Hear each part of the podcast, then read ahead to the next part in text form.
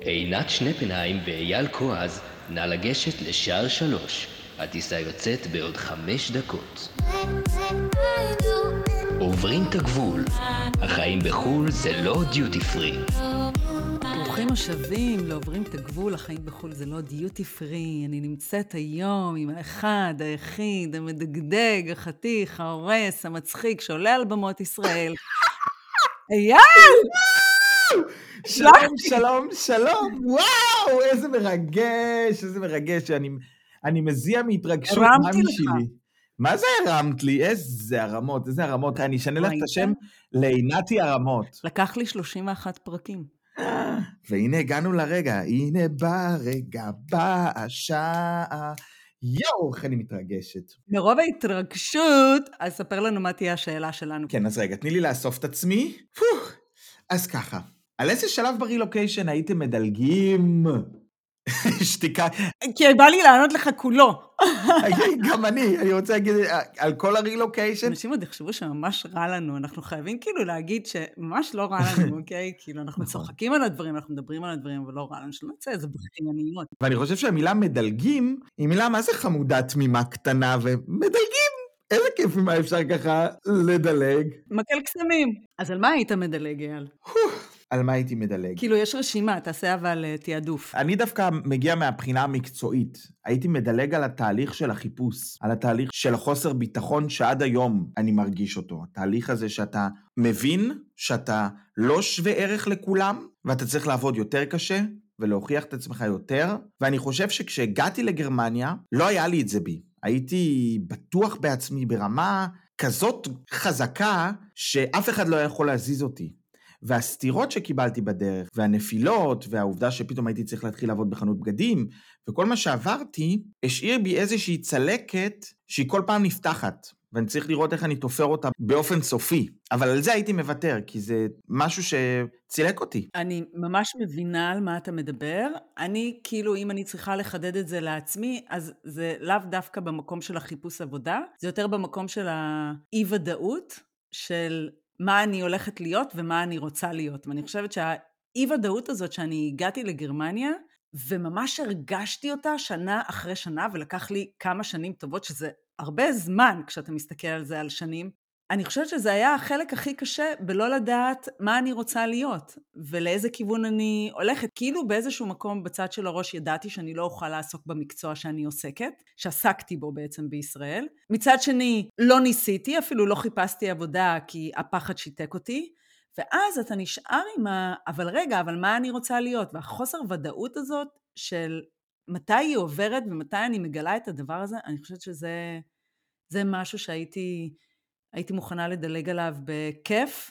לא יודעת אם אפשר לעשות לדבר הזה איזושהי עבודת הכנה לפני, כאילו אפשר אולי לעשות איזושהי חשיבה, או... כשאני שומע אותה עכשיו מדברת, אני אומר, מצד אחד זה הכניס בי המון חוסר ביטחון. מצד שני, כל התהליך הזה דחף אותי למצוינות. דחף אותי תמיד להוכיח למקסימום, התחושה שאני אף פעם לא מספיק. הובילה אותי לעשות דברים עוד יותר טוב ועוד יותר טוב, ולהתמקצע עוד יותר, ולקרוא יותר, וללמוד יותר, ואני לא יודע, אולי אם לא היה לי את זה, אז לא היה לי את הרצון הזה של להוכיח, לא, לא הייתי נאבק על דברים, אולי לא הייתי יושב כרגע איפה שאני יושב.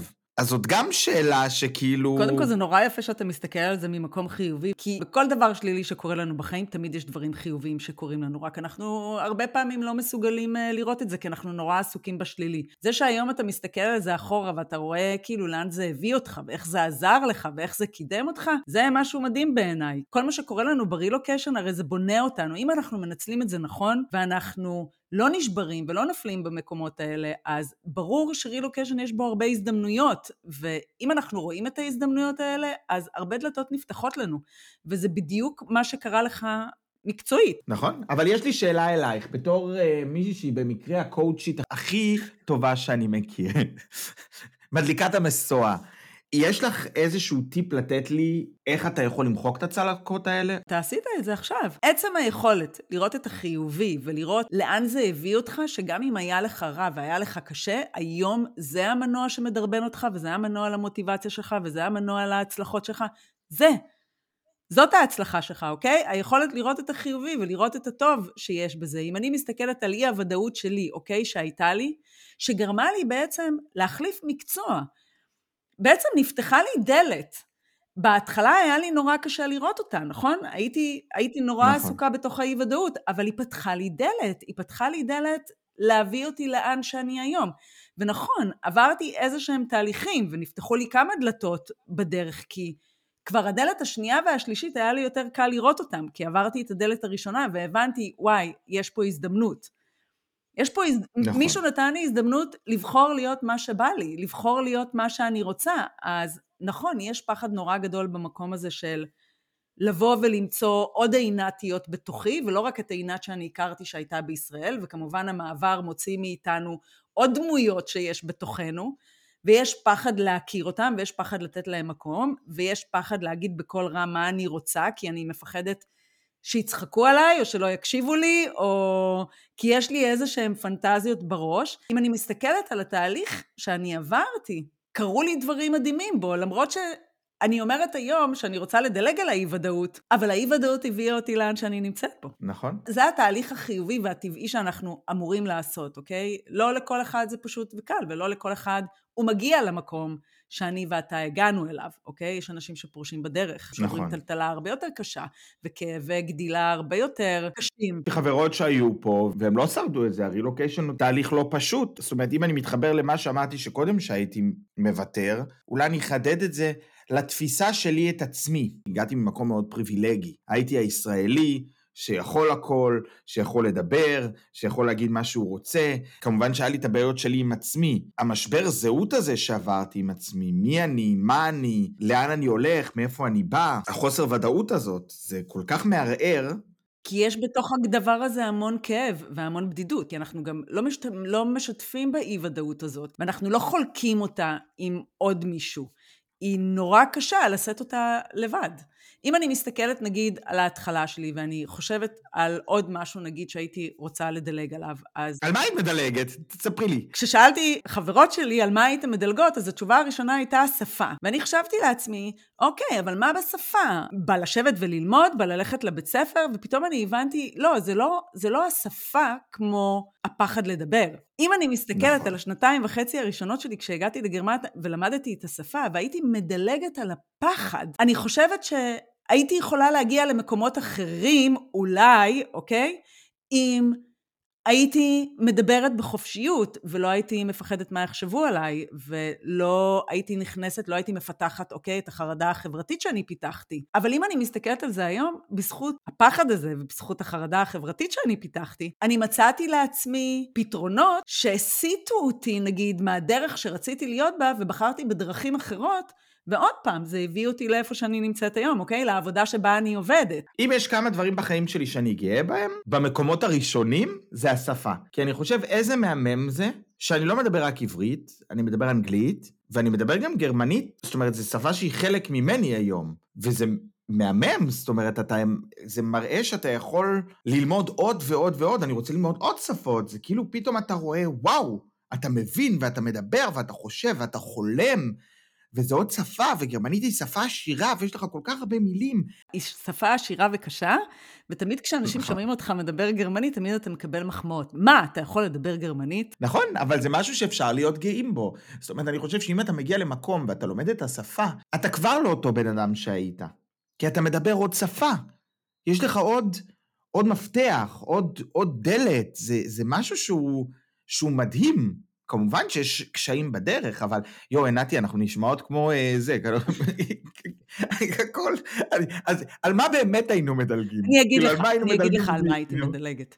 הייתי מדלגת על חיפוש טמפונים עם הוליך, והייתי מדלגת על חיפוש חומרים לשיער לטלטלים. על זה הייתי מדלגת.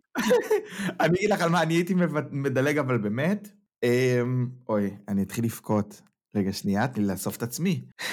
הייתי מוותר על הגעגועים. על הגעגועים למשפחה, על הגעגועים לחברים שלי. אוי, מה קרה לי? רגע, שנייה. אוי, אני לא יודע מה קורה לי. אוי, ממוש. אמ, הייתי, הייתי מוותר על זה. אני מאוד מתגעגע הביתה. על, ה, על הגעגועים לכל מה שאין. געגועים לדברים שפספסתי, לדברים שאני לא אחווה יותר. הייתי שמח אם כאילו כולם היו יכולים לעבור איתי. ושלא יהיה לי את החור הזה בלב שהוא כל הזמן מלווה אותך, לא משנה איפה אתה נמצא. בקיצור, אתה רוצה לוותר על המלחמה שבלב, כן, של פה ושם. כן. זה גם אני הייתי מוכנה לוותר, על, ה, על הגעגועים ועל על החוסר החלטיות שלי, של להיות פה, להיות שם, על זה שאין לי יכולת אה, להגיד ולקבל את זה שאני גרמניה, ואני עושה במרכאות, ואני מתעקשת להישאר אה, ישראלית. אז אה, זה נגיד משהו שהייתי מדלגת עליו, על קצת יותר אה, גמישות במקום הזה, ושלא יהיה אכפת לי. ו...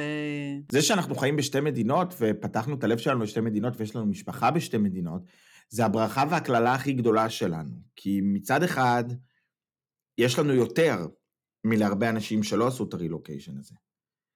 מצד שני, היותר הזה הוא מאוד מאוד קשה, כי אתה אף פעם לא יכול למלא את החור הזה, כי זה תמיד משהו חסר. לא משנה איפה נהיה, כל חיינו יהיה משהו שיהיה לנו חסר. כי אם אני פה, אז חסרים לי המשפחה שלי והחברים שלי והארץ שלי, וכשאני בארץ, גם חסר לי משהו. כי יש לי פה אנשים שאני מאוד מאוד אוהב, שהעברתי איתם כבר אה, 12 שנה. זאת אומרת, תמיד יהיה משהו שאנחנו נצטרך לוותר עליו. היותר הזה, הוא בא עם ויתור מאוד מאוד גדול. ואם על זה אפשר היה לוותר ולדלג, הייתי רץ ומדלג על זה בקיפוצים. אני מסכימה עם כל מה שאמרת, יש לנו מאזין שקוראים לו תומר, והוא כתב לי אה, בפייסבוק לפני איזה כמה זמן, קשיים ומשברים יש בכל מקום, אז לפחות נבחר איפה לעבור אותם. וזאת ראייה חיובית לגבי רילוקיישן, בדיוק על מה שאתה אומר, כי גם בישראל יש אתגרים ויש אה, קשיים, ואולי לא את הקשיים שאנחנו עוברים ברילוקיישן, אבל כשאנחנו חיים במדינה אחרת, יש גם קשיים. השאלה באמת, אם טוב לי בסופו של דבר או לא טוב לי בסופו של דבר, אם אני מסוגל לראות את חצי הכוס המלאה ואני מסוגל לראות מה הדבר הזה נותן לי. ואתה מדבר ואני יושבת ואני מקשיבה לך ואני אומרת, וואו, אייל, אתה מפציץ היום חיוביות כאילו זה בחירת חיסול בסופר. זה בעייתי, כמו שאמרתי, אנחנו מצד אחד ויתרנו על משהו מאוד מאוד גדול מהחיים שלנו. מצד שני קיבלנו המון, ואז השאלה היא איך אתה מסתכל על זה, כי לשבת ולהגיד אני כל הזמן, אני רק מפסיד ואני רק לא מתקדם קדימה, זה לא יהיה נכון. כי מה, זה לא יביא אותי. וזה השאלה הזאת היא טריקית, נכון. על מה אני מדלג. מבחינתנו היא טריקית, כי גם לך וגם לי נורא נורא טוב. שנינו מצאנו את עצמנו ברילוקין, אתה כבר עשר שנים, אני עשרים שנה, אנחנו כבר נתנו פה שורשים, אנחנו כבר חיים, אנחנו חיים את החיים שלנו, אוקיי? אנחנו השלמנו עם המקום הזה. כששואלים אותנו את השאלה הזאת, מבחינתנו זה כאילו בדיעבד, אוקיי, הייתי מוותר על זה ועל זה ועל זה, אבל... נכון. זה מה שבנה אותי, זה מה שהצמיח אותי, זה מה שפיתח אותי. יש לנו יכולת היום להסתכל על הדבר, כי אנחנו לא בתוך זה כרגע, אוקיי? יש לנו יכולת להסתכל על הדבר הזה ולראות את הדברים הטובים. אני אגיד לך, אני שאלתי את ארנו, תגיד, על מה היית מדלג כשאני עברתי לגרמניה? ובהתחלה הוא לא הבין מה אני רוצה ממנו. אני לא מבין, אני לא מבין מה התוצאה ממנו. אמרתי לו, אני הולכת, חוזרת עוד 20 דקות, תחשוב על השאלה. וכשחזרתי חזרה, הוא הסתכל עליי ואמר לי, את מוכנה אבל לשמוע את מה שיש לי להגיד? אני אומרת לו, ברור, למה אני שאלתי? אז הוא אמר לי, הייתי מוותר על האחריות שלקחתי עלייך. הייתי מוותר על זה שהייתי צריך לעשות בשבילך הכל. ואני חשבתי, כששאלתי אותו את השאלה, אני הייתי מוותרת על התלות שהייתה לי בך. זאת אומרת, לשנינו היה את אותה תחושה. נכון. יואו, איזה יופי. לשנינו היה איזשהו פחד להגיד את זה בקול רם, אוקיי? גם אני פחדתי להגיד, אני לא רוצה את התלות הזאת, וגם הוא פחד להגיד, אני לא רוצה את האחריות הזאת, אוקיי? שנינו הסתובבנו עם הדבר הזה. זה נכון, כשאת אומרת את זה עכשיו, זה הדבר היחיד שהייתי מוותר עליו, ואני לא רואה בו שום דבר חיובי. התלות. כי היא לא הביאה אותי, התלות הזאת, לשום מקום. היא הורידה אותי כל הזמן למטה. עדיין היא מורידה אותי למטה. יש עדיין מקומות שאני מאוד תלוי ברובן, שזה, אגב, זה, יואו, זה, לא, אני, אני כאילו, מאיפה הבאת את זה עכשיו, אחותי? זה כאילו, אתה רואה? כי זה בדיוק זה. תובנות תובנות. זה בדיוק זה, כי מקודם רציתי להגיד שרילוקיישן הוא כאילו אה, כמו מגדל לגו, שאתה בונה עוד אבן ועוד אבן ועוד אבן, וכל אבן מובילה אותך קדימה. הדבר היחיד שלא מוביל אותך קדימה, זה התלות הזאת, וזה עדיין, זה משהו שעדיין לא השתחררתי ממנו. אתה לא השתחררת ממנו, אבל היום אתה הרבה יותר בן אדם עצמאי, אוקיי? נכון. אתה עצמאי אישית, אתה עצמאי כלכלית, נכון. יש לך כל מה שאתה רוצה, אז נכון, בדברים מסוימים קטנים אתה צריך את העזרה של רובן, וזה בסדר גמור לבקש עזרה, וזה בסדר גמור להיות תלותי במקומות האלה. הם לא מנהלים אותך. הם לא מנהלים אותי, אבל עדיין יש לך ב-back of, of your mind את העניין הזה, שיש דברים שאני פשוט צריך אותו שיעזור לי בהם, וזה משהו שאם הייתי נשאר בארץ לא היה לי. זה בסדר גמור אבל, כשאנחנו הגענו, כשאני הגעתי, התלות הזאת ניהלה אותי, היא הייתה במאה אחוז בחיי, אוקיי? לא הייתה לי עצמאות אישית, לא הייתה לי עצמאות כלכלית, הכל זה היה ארנו, כל דבר שאני רציתי, כל דבר שאני עשיתי, זה היה תלוי בו, אוקיי? יש משהו נורא נורא קשה במקום הזה. כשאתה מגיע ממדינה שהיה לך בה הכל. הייתה לי עבודה, אני הרווחתי כסף, היה לי את החשבון בנק שלי, היה לי את הביטוח שלי, היה, הייתה לי את הערכה המקצועית שלי, את החברים שלי, ופתאום אני מגיעה ואין כלום, אוקיי? אני תלויה בו עם החברים, אני תלויה בו מקצועית, אני תלויה בו בשפה, אני תלויה בו בללכת לארגן את המסמכים שלי, אני תלויה בו בחשבון בנק, אני תלויה בו בהכל. נכון. והמקום הזה, אני לא יכולה לראות בו איזשהו משהו שהצמיח אותי להיות מה שאני היום, חוץ מזה שאני שנאתי את המקום הזה, את, ה, את המקום התלותי הזה, ולקח לי המון זמן להשתחרר ממנו. אתמול היינו אני ועינת עם אה, שאולי ועידן, חברים שלנו, ועשינו אה, כזה אחר הצהריים ישראלי, היה ממש ממש כיף ונהנינו, ורובן נשאר בבית, הוא לא רצה לבוא. והיה לי ממש כיף, אבל מצד שני היה לי איזו תחושה של אחריות שהיא אחרת. כי כאילו אמרתי, אולי הוא כן היה צריך להיות, כי הוא לא רצה לבוא, אבל בכל זאת, הייתה לי תחושה, וזה משהו שפעם במערכות יחסים אחרות לא היה לי. זאת אומרת, האחריות הזאת, היא מצד אחד נופלת על הבני זוג שלנו, אבל היא גם, אני מרגיש לפחות שהיא גם נופלת עליי באיזשהו מקום. יש את זה גם אצלך? שאת מרגישה אחראית לארנו? לא, כי אני חושבת שבתוך המערכת יחסים שלנו אנחנו שלושה, יש אותי, יש אותו, ויש את הזוגיות, ויש הפרדה. זה בסדר גמור שלי יש את העולם שלי, זה בסדר גמור שיש לו את העולם שלו ואת החברים שלו, ויש את הזוגיות שאנחנו נפגשים בה באמצע, ויש את המפגשים החברתיים המשותפים והחברים המשותפים, ואין לי תחושת אה, אחריות או תחושה שאם אני עושה משהו זה יושב לי על המצפון, ממש לא. אני חושבת שבמקום הזה אני וארנו עשינו עבודה ממש ממש טובה במהלך השנים, אני חושבת ששם אנחנו גם פירקנו לאט לאט את ה... הסימביוזה הזאת שהייתה בינינו ואת התלות המטורפת הזאת שהייתה בינינו. בלי שאנחנו דיברנו על זה, זה פשוט, אני חושבת, שנינו הבנו שזה... שזה לא עושה לנו טוב. כמה זמן זה לקח? זה לקח איזה כמה שנים. זה לקח... כי אני מרגיש, אנחנו שם. זאת אומרת, אני מרגיש שאנחנו בתהליך הזה עכשיו בדיוק נמצאים, שזה באמת התהליך היפרדות הזאת, ש... שאני כבר יש לי את שלי, ורומן יש לו כבר את שלו, זה כאילו עכשיו זה איזשהו תהליך כזה שאנחנו שאנחנו בדיוק בפר... לא בפר... בפרידה אפשר להגיד, או בהיפרדות הזאת, או האמנציפציה הזאת, שהיא כאילו פתאום קורית, ואז בגלל זה לפעמים אתה אומר, או, oh, אוקיי, אני נוסע עכשיו הרי אה, לשישה שבועות לחו"ל, שזה גם משהו שאני יודע שאותו זה גם תופס, כי אנחנו כל הזמן ביחד. פעם ראשונה שזה קורה. פעם ראשונה שזה קורה, שישה שבועות אני לא אהיה פה, ואני יודע שגם אותו זה מלחיץ, כי הוא צריך פתאום למצוא לעצמו גם עיסוקים, תוכן, זה לא פשוט. מי אני כשאני לא בזוגיות? התלות שלנו בהם היא גם האחריות שלהם כלפינו. זה משהו שהוא לשני הצדדים. בגלל זה הוא ענה לי, הייתי מדלג על האחריות, על זה שהייתי צריך לעשות הכל בשבילך.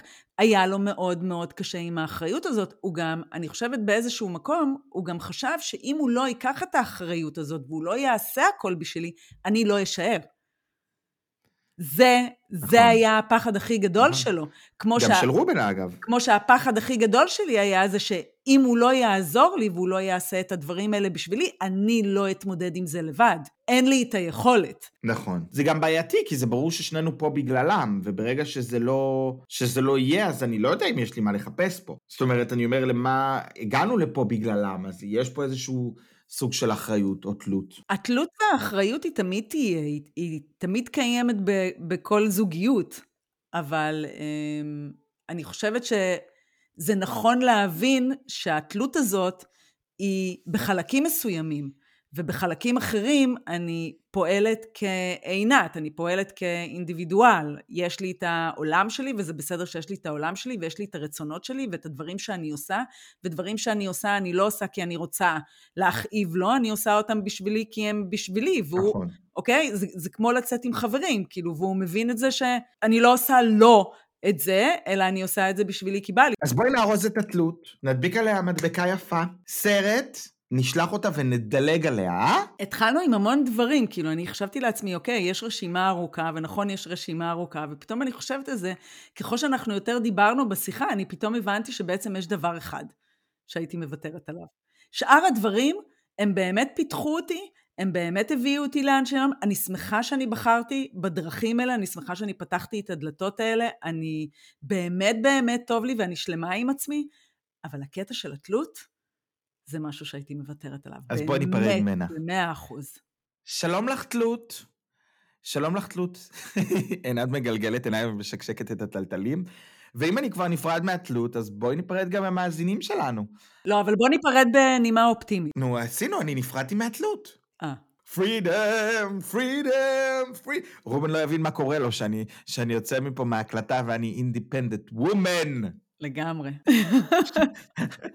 אז תודה שהייתם איתנו בעוד פרק של עוברים את הגבול, החיים בחו"ל זה לא דיוטי פרי. תעקבו אחרינו בקבוצה בפייסבוק, עוברים את הגבול, החיים בחו"ל, זה לא דיוטי פרי. תשאירו לנו תגובה מפרגנת, תנו חמישה כוכבים ותלחצו על הפעמון למעלה ותקבלו התראה בכל פעם שעולה פרק חדש. ואל תהיו כאלה. שימו לב להזדמנויות שנקרות בדרככם, תראו אותם, יש דלתות שנפתחות ויש דברים טובים שקורים מאחוריהם, גם אם בא לנו לדלג על דברים. תזכרו, הדברים שקורים לנו מביאים אותנו למקום טוב יותר.